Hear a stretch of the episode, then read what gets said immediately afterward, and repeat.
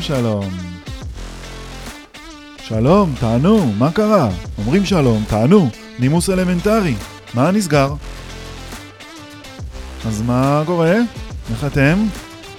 היום אנחנו מתחילים פרק שירה, וואו וואו, ננתח כמה שירים לבגרות, כאילו שאין עליהם כבר full סיכומים והרצאות באינטרנט, אבל יאללה, בשבילכם, פאנק. מה שכן, אנחנו נוכל לנתח רק שירים לבגרות שאין עליהם כבר זכויות יוצרים, ולכן מותר לנו לקרוא אותם פה. אנחנו נדבר קצת על איך ניגשים לניתוח שיר. אתן לכם כמה טיפים שעוזרים לי, ונקדיש את הפרק הזה לשיר אחד של רחל, זה יהיה השיר הראשון שלנו. דבר אחד בטוח לא נעשה כאן, וזה לא נענה על השאלה מה זה שיר. כי אם אנחנו נפתח את זה כאן, הלך עלינו, לא נסיים גם בעוד עשרה פרקים. וגם ממילא אין לי מושג מה זה שיר, כי תכלס שיר יכול להיות הכל. יש לו כללים ברורים מצד אחד, והוא שובר את כולם מהצד השני. כאילו, תחשבו, חריזה? כן, זה שיר. לא, שיר לא חייב חריזה. שורות קצרות? כן, זה מאפיין של שיר. אבל לא, שיר לא חייב שורות קצרות. בתים קצרים? כן, גם זה מאפיין של שיר, אבל וואלה, יש שירים באורך עשרה עמודים. חלוקה לבתים? כן, זה מאפיין של שיר. לא, לא רק שיר מחולק לבתים. מילים גבוהות? פח, בואו, תהיו רציניים. מה שכן, אנחנו עוסקים בשירה. זאת אומרת, לא בדברים האלה שאתם שומעים שאני לא כל כך יודע איך לקרוא להם. גם אין לי סיבה לקרוא להם, אני לא רוצה שהם יבואו. כאילו נגיד, עולה לי, עולה לי, עולה ולא יורד לי, זה לא שירה. ויבה לדיבה וויבה לוויקטוריה וויבה לאפרודיטה וויבה לקליאופטרה, זה כנראה סיאנס, אבל זה לא שירה. איך אני נראית מיליון דולר, ומה אני צריכה מיליון דולר, וכמה אני עולה מיליון דולר, וכמה משלמים לי לשיר אחד ביום העצמאות מיליון דולר, זה דוח הצהרת הון למס הכנסה, זה לא שירה, כן? או קוקוריקו פק פק פק, קוקוריקו פק פק פק, מי שרוצה לנתח קוקוריקו פק פק פק, שיפנה למועצת הלול. ומי שרוצה לנתח עולה לי ולא יורד לי, עדיף שלפני זה יפסיק להוריד ויאגרות עם שוטים של וודקה, לפני שהניתוח היחיד שהוא יעשה זה ניתוח שלאחר המוות באבו כביר, אחרי דום לב. כאילו יאללה, רדו מאלכוהול בלי הכרה רק בשביל להוציא את עצמכם גברים, עשו לי טובה. הקיצר, כל המוזיקה הפופולרית שאתם שומעים לא נמצאת בתחום השירה שאנחנו מדברים עליה. זו לא שירה שמלמדים. בבתי הספר מלמדים רק את אותה תוכנית לימודים שסבתא חנעם של ניסי מהקצבייה למדה כשהעות'מאנים עוד שלטו בארץ. את אותם שירים קלאסיים של רחל וביאליק וצ'רניחובסקי, מה שנקרא נכסי צאן ברזל מערביים. וזהו, ורק להם יש אישור כניסה וחותמת כשרות ביחידת בגרות חובה של 70%. לפחות נכון להיום. ולכן אנחנו מתחילים היום עם פגישה, חצי פגישה של רחל, שיר קליל, קצר, זורם, נסיים אותו טיק טק. לפני זה אני רק אגיד שאני אנתח אתכם כל שיר בארבעה שלבים. מבנה, תוכן, אמצעים אומנותיים, משמעות. מבנה, תוכן, אמצעים אומנותיים, ואז בסוף משמעות. זה בסגנון קצת מהקל הכבד כזה. אפשר גם במלא דרכים אחרות, זו פשוט הדרך הכי נוחה לדעתי, להתחיל מהחיצוני ואז לקדוח פנימה. וככה נעשה גם פה. עוד דבר אחד שאנחנו לא נעשה זה, נשתדל פחות לדבר על הביוגרפיה של המשוררים. אני יודע שיש גישה שבוחרת לחבר בין המשורר לבין היצירה שלו, אבל אנחנו נשתדל לעשות פחות חיבור בין הדובר למשורר, ואולי ככה נצליח לעשות חיבור טוב יותר בין השיר לבינינו. אז איך נתחיל? בואו נקרא את השיר. פגישה, חצי פגישה, מבט אחד מהיר, קטעי ניבים סתומים? זה די. ושוב הציף הכל, ושוב הכל הסעיר, משבר האושר והדווי. אף סכר שכחה, בניתי לי מגן. הנה היה כלא היה, ועל ברכי אכרע, על שפת אגם סואן, לשתות ממנו לרוויה. זהו, זה השיר. זו הקריאה הדרמטית משהו, כדי שתוכלו דרך הקריאה אולי קצת להבין על מה השיר, ברמת התחושה לפחות. ואמרתי שאנחנו נתחיל לנתח קודם כל מן החוץ אל הפנים, אז אנחנו קודם כל ננתח את המבנה. המבנה זה ממש איך שאתם רואים את השיר, איך הוא בנוי, כמו שתסתכלו על בניין בחוץ ותוכלו להגיד, הבניין הזה בין שש קומות, בכל קומה יש מרפסת או משהו כזה, אותו דבר המבנה של השיר. אנחנו נסתכל על השיר ואנחנו נגיד, השיר פגישה חצי פגישה מאת רחל המשוררת, הינו שיר בין שני בתים, כל בית בין ארבע שורות, וזה הרעיון של המבנה. אם אנחנו רוצים להסתכל גם על החריזה, אנחנו נוכל להסתכל על השיר ולהגיד, בשיר יש חריזה שהיא חריזה מסורגת. מהיר, עם מסעיר, די, דווי, מגן, סואן, היה, לרוויה. את זה אתם צריכים לראות, כלומר כשאנחנו מדברים על מבנה, אני ממש צריך שהשיר יהיה מולכם. אה, אתם יכולים להסתכל ב description, ששם נמצא השיר, ואז לראות שבבית הראשון, שורה א' מתחרזת עם שורה ג', ושורה ב' מתחרזת עם שורה ד', ולכן זה נקרא חריזה מסורגת. כן, לא, כן, לא. א', ב', א', ב'. אותו דבר קורה גם בבית השני. השורה הראשונה של הבית השני מתחרזת עם השורה השלישית של הבית השני, והשורה השנייה של הבית השני מתחרזת עם השורה האחרונה הרביעית של הבית השני. מגן וסואן, היה ולרוויה. כלומר, החריזה כאן היא חריזה מסורגת. עוד דבר שאפשר להגיד על השיר מבחינת המבנה, היא כשמסתכלים עליו, רואים שיש בו הרבה הרבה הרבה מאוד סימני פיסוק, בעיקר בשתי השורות הראשונות. סימני הפיסוק האלה דורשים מאיתנו לעצור, כלומר אין כאן נקודות שאנחנו יכולים לנשום ואז להתחיל שורה שנייה ברוגע. לא, יש פה פסיקים, יש פה מקפים, קווים מפרידים, וזה גורם לנו לקחת חצי נשימה וישר לרוץ לקרוא עוד פעם. ואז יוצא שהנשימה שלנו נעתקת. פגישה, חצי פגישה, מבט אחד מהיר, קטעי ניבים סתומים, זה די. סימני הפיסוק האלה מכריחים אותנו לקרוא את השורות האלה כאילו אנחנו מתנשמים או מתנשפים מהתרגשות, פגישה, חצי פגישה, מבט אחד מהיר. אנחנו כאילו נכנסים לתוך ההתרגשות של הדוברת. אבל ממה היא בדיוק מתרגשת? כאן אנחנו כבר צריכים להיכנס לתוך התוכן. זאת אומרת, החלק הראשון היה המבנה, עכשיו אנחנו ניכנס לתוכן ונלך שורה-שורה ונראה מה קורה בשיר. פגישה, חצי פגישה, מבט אחד מהיר, קטעי ניבים סתומים, זה די. כלומר, שימו לב שיש לנו פה הדרגתיות. הדוברת אומרת פגישה, יורדת לחצי פגישה, יורדת למבט אחד מהיר, יורדת להחלפת קטעי ניבים סתומים, כלומר, ניבים זה בעצם ביטויים, סתומים זה לא ברורים, מחליפים ביטויים לא ברורים, וזה די. מה די? הכוונה היא פה בעצם, היא אומרת, אני לא צריכה פגישה שלמה עם החבר שלי שעזב אותי. אני לא צריכה חצי פגישה. מספיק מבט אחד מהיר. עזבו מבט אחד מהיר. מספיק להחליף סתם קטעי ניבים סתומים, כזה כמו מה נשמע מה שלומך כשנפגשים בטעות ברחוב, עוברים את הכביש אחד מול השני, וזה מספיק. מספיק לי, לא צריך יותר מזה. מספיק שמה יקרה? ושוב הציף הכל, ושוב הכל הסעיר. כלומר, מספיק לי לראות את האהוב שלי לשעבר לשנייה אחת, להחליף את מה העניינים, וזהו.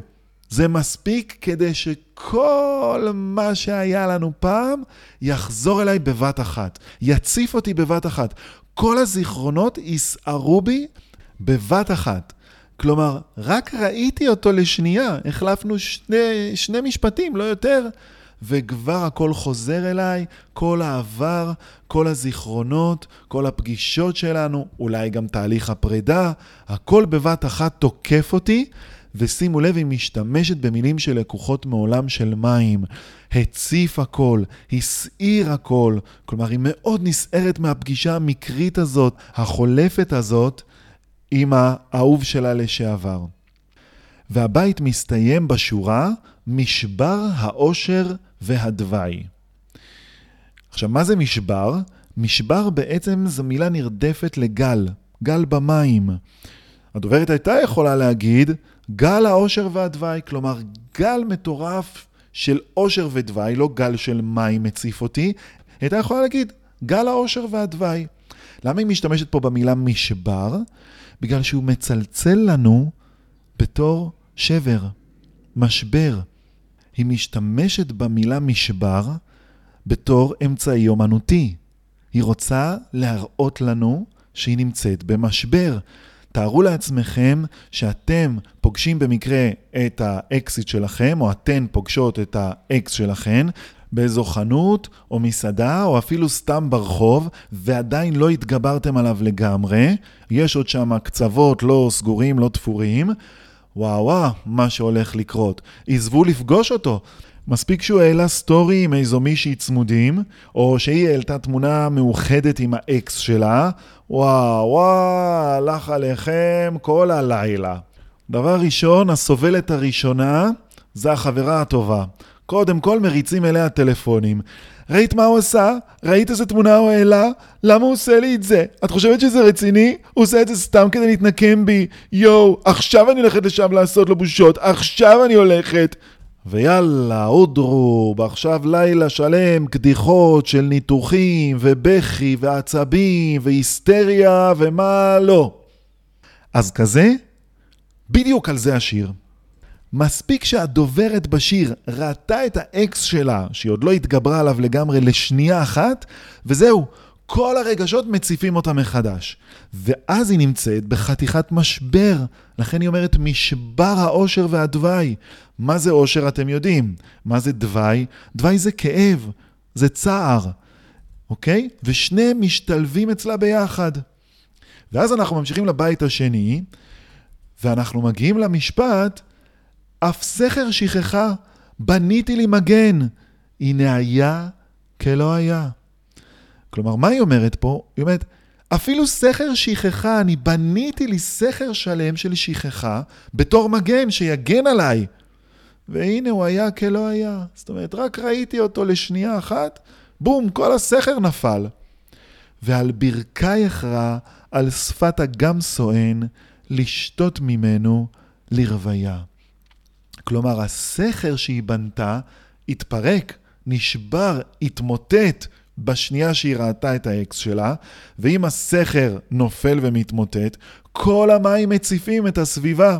אם כל המים מציפים אותה, נוצר אגם, והאגם הזה סואן, והיא עומדת באמצע האגם, והיא קורעת על ברכיה, היא כאילו מוותרת, היא נכנעת, והיא קורעת על ברכיה לשתות מהמים האלה לרוויה.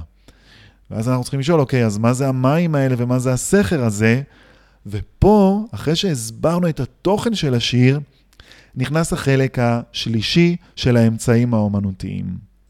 ואז אנחנו חוזרים להתחלה, ואנחנו אומרים, אוקיי, סימני פיסוק ראינו. האפקט שהם נותנים הוא שאנחנו נשארים בלי נשימה. פגישה, חצי פגישה, מבט אחד מהיר, אנחנו מתרגשים, כמו הדוברת. אנחנו נכנסים יחד איתה לתוך המוד, לתוך התחושה הזאת של ההתרגשות של הנה הוא, הנה הוא, הנה הוא, כזה, אוקיי? איזה עוד אמצעים אומנותיים יש לנו בבית הראשון? לדוגמה, חצי פגישה.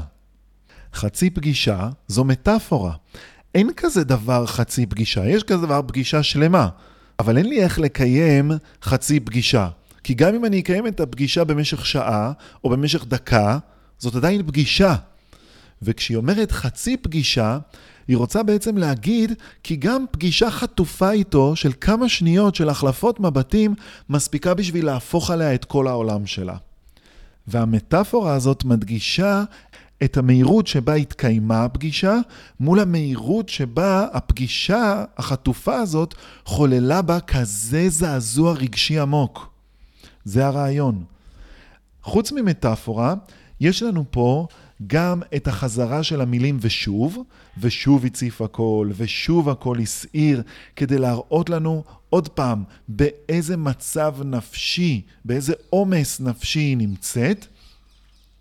ויש לנו את המילה משבר. על המילה משבר דיברנו, משבר זה גל, והיא רוצה להגיד לנו, אני נמצאת במשבר, ולכן היא משתמשת במילה הזאת שיש לה צליל של שבר, היא באה מהשורש של שבר, ש"ב ר', היא רוצה להגיד לנו אני במשבר, אבל היא גם רוצה להגיד אני מוצפת, אוקיי? המילה משבר שהיא גל, אומרת לנו, אני מוצפת. במה היא מוצפת? היא לא מוצפת במים. היא מוצפת בעצם באושר ובדווי. כלומר, כשהיא רואה את החבר שלה לשעבר, את האקס שלה, כל הזיכרונות מציפים אותה מחדש, אבל היא לא בוררת זיכרונות, היא לא נזכרת רק בדברים הטובים, היא נזכרת בהכל.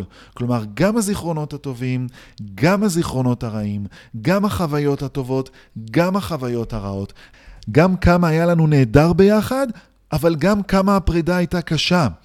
כלומר, הגל הזה שמציף אותה, מחזיק את כל הזיכרונות הטובים והרעים, את האושר, את הדברים המאושרים, ואת הדברים הכואבים, את הדווי, את הצער. והגל הזה הוא פשוט גל ענק, תדמיינו לעצמכם גל אדיר של שישה, עשרה מטרים, שפשוט מציף אותה, עולה מעליה ומציף אותה בבת אחת, והיא טובעת תחתיו. אוקיי? זה המשבר שלה, כמו איזה גל צונאמי מטורף שמציף בה הכל. והנה עוד מטאפורה, כי אנחנו מבינים שזה בכלל לא גל. זה בעצם הרגשות שלה. היא מדמה את הרגשות שלה לגל אדיר שמציף אותה, והיא לא יכולה להשתלט על הרגשות שלה, היא טובעת ברגשות. הרגשות הם הגל הזה שמציף אותה, שהיא טובעת בתוכם. וזאת מטאפורה, כי כמובן זה לא גל. אז הנה אמרנו, יש לנו סימני פיסוק, ויש לנו אה, מטאפורה של חצי פגישה, ויש לנו מטאפורה של משבר העושר והדווי, ויש לנו ניגוד, העושר מול הדווי, העושר מול הכאב, ויש לנו את החזרתיות, ושוב הציף הכל, ושוב הכל הסעיר, ובתחילת השיר, בשתי השורות הראשונות, יש לנו גם הדרגתיות, פגישה, חצי פגישה, כלומר פחות, מבט אחד מהיר, קטעי ניבים סתומים, כלומר היא יורדת ויורדת באופן הדרגתי, כדי להגיד מספיק הדבר הכי הכי פשוט, הכי קל, הכי מהיר, הכי רגעי, וזה די בשביל שכל הרגשות שלי מחדש יצופו, הטוב עם הרע וכולי. אז הנה האמצעים האמנותיים של הבית הראשון, ובבית השני, עוד פעם אנחנו פוגשים מטאפורה. אף סכר שכחה בניתי לי מגן. מה זה סכר? סכר הוא מחסום שנבנה כדי לחסום את המים, כדי שהם לא יעלו ויציפו את השדות, את היישובים. כלומר, המים נאגרים בתוך הסכר, שמגן ככה על הסביבה. וזה בדיוק מה שעשתה הדוברת, היא בנתה לה מגן מפני הרגשות שלה. היא בנתה סכר שיאגור בתוכו את הרגשות שלה כלפי האהוב שלה לשעבר, וככה הסכר יגן עליה מפני הרגשות הללו, שלא יציפו אותה. למה זאת מטאפורה? כי מטאפורה היא חיבור של שתי מילים או של שני רעיונות שלקוחים משני תחומי דעת שונים. כלומר, חיבור של שתי מחשבות או שתי תפיסות מתחומים שונים, שמתחברים ביחד כדי ליצור איזשהו מובן חדש. אין דבר כזה סכר שכחה. סכר לא בנוי משכחה. סכר בונים מלבנים, סכר בונים מעצים, לא בונים אותו משכחה.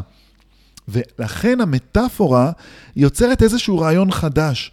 הדוברת הקימה מסביב לרגשות שלה סכר שבנוי כולו משכחה.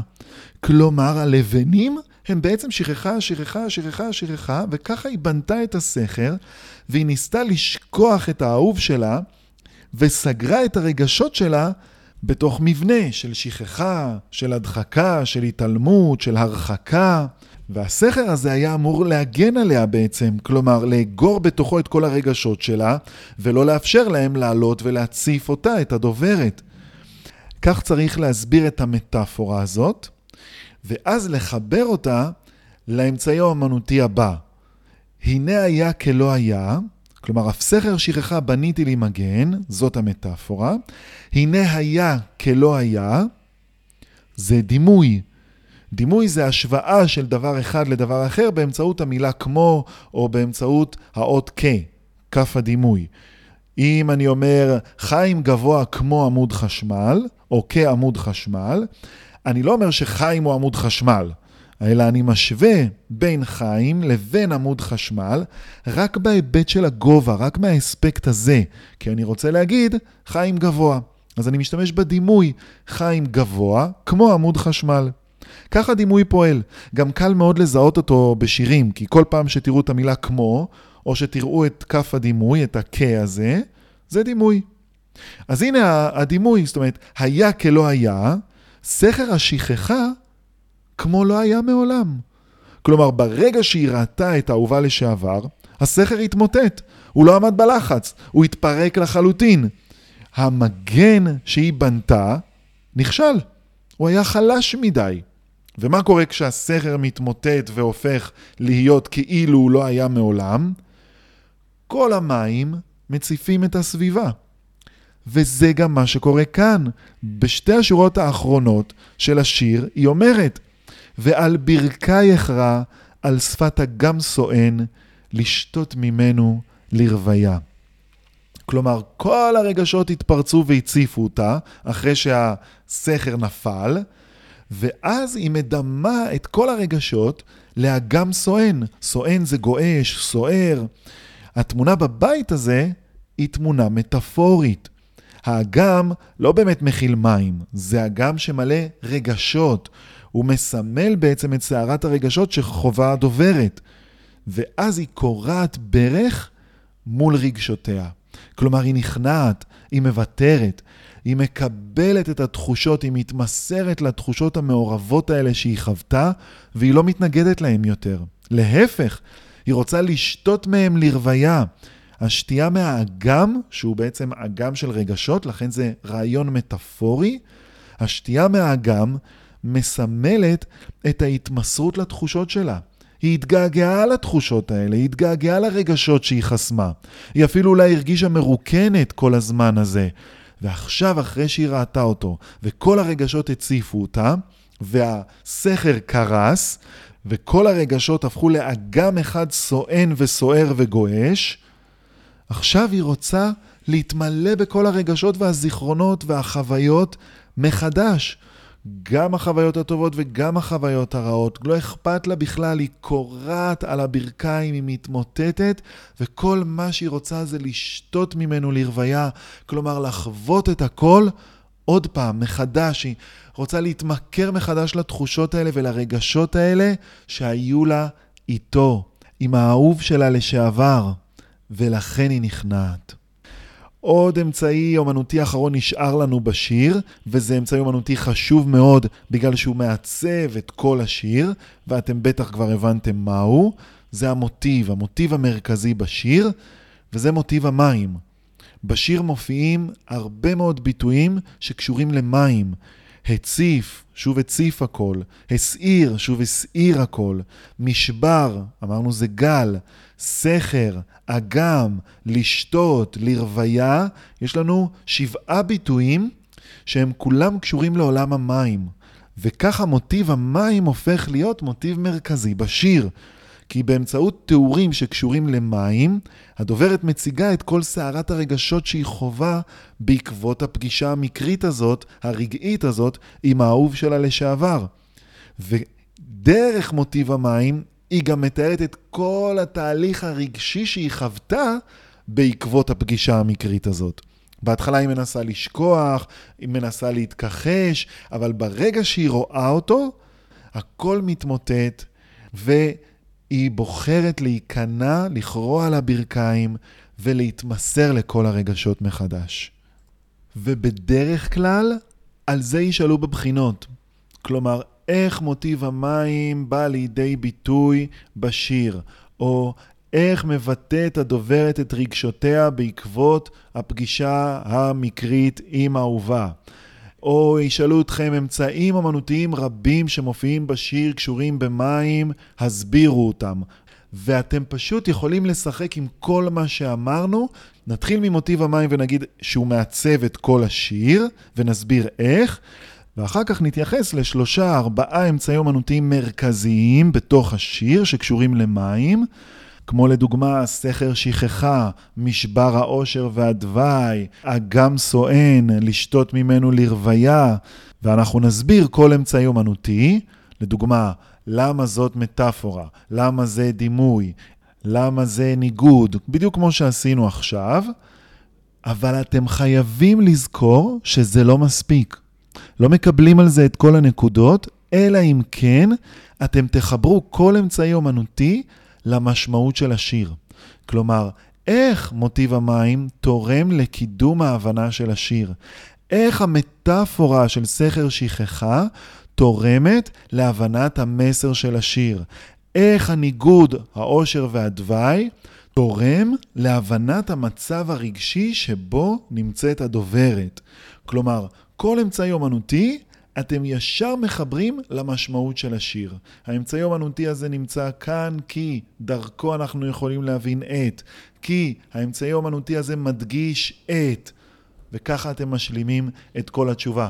מי שעושה את זה ככה, כל הנקודות שלו, וזה שיר קל, אז אפשר לקבל את כל הנקודות בכלום עבודה. וזהו, חברים, סיימנו להיום עם כל הפגישות, עם חצאי הפגישות, עם כל ההצפות האלה של המים, ואתם, אם כבר אתם מאמצים איזו מטאפורה של מים לאקסיט או לאקס, עדיף שתסתכלו על הרגשות שלכם כמו מים במסננת. כמו שהמים עוברים דרך חורי המסננת, ככה גם הרגשות שלנו מסתננים החוצה בסופו של דבר. אז במקום לשחזר שוב ושוב יחסים שעושים לכם רע, שחררו. תנשמו עמוק, תעסיקו את עצמכם בדברים אחרים, ותנו לזמן לסנן את הרגשות הכואבים החוצה מהגוף. קצת סבלנות, ואתם כמו חדשים.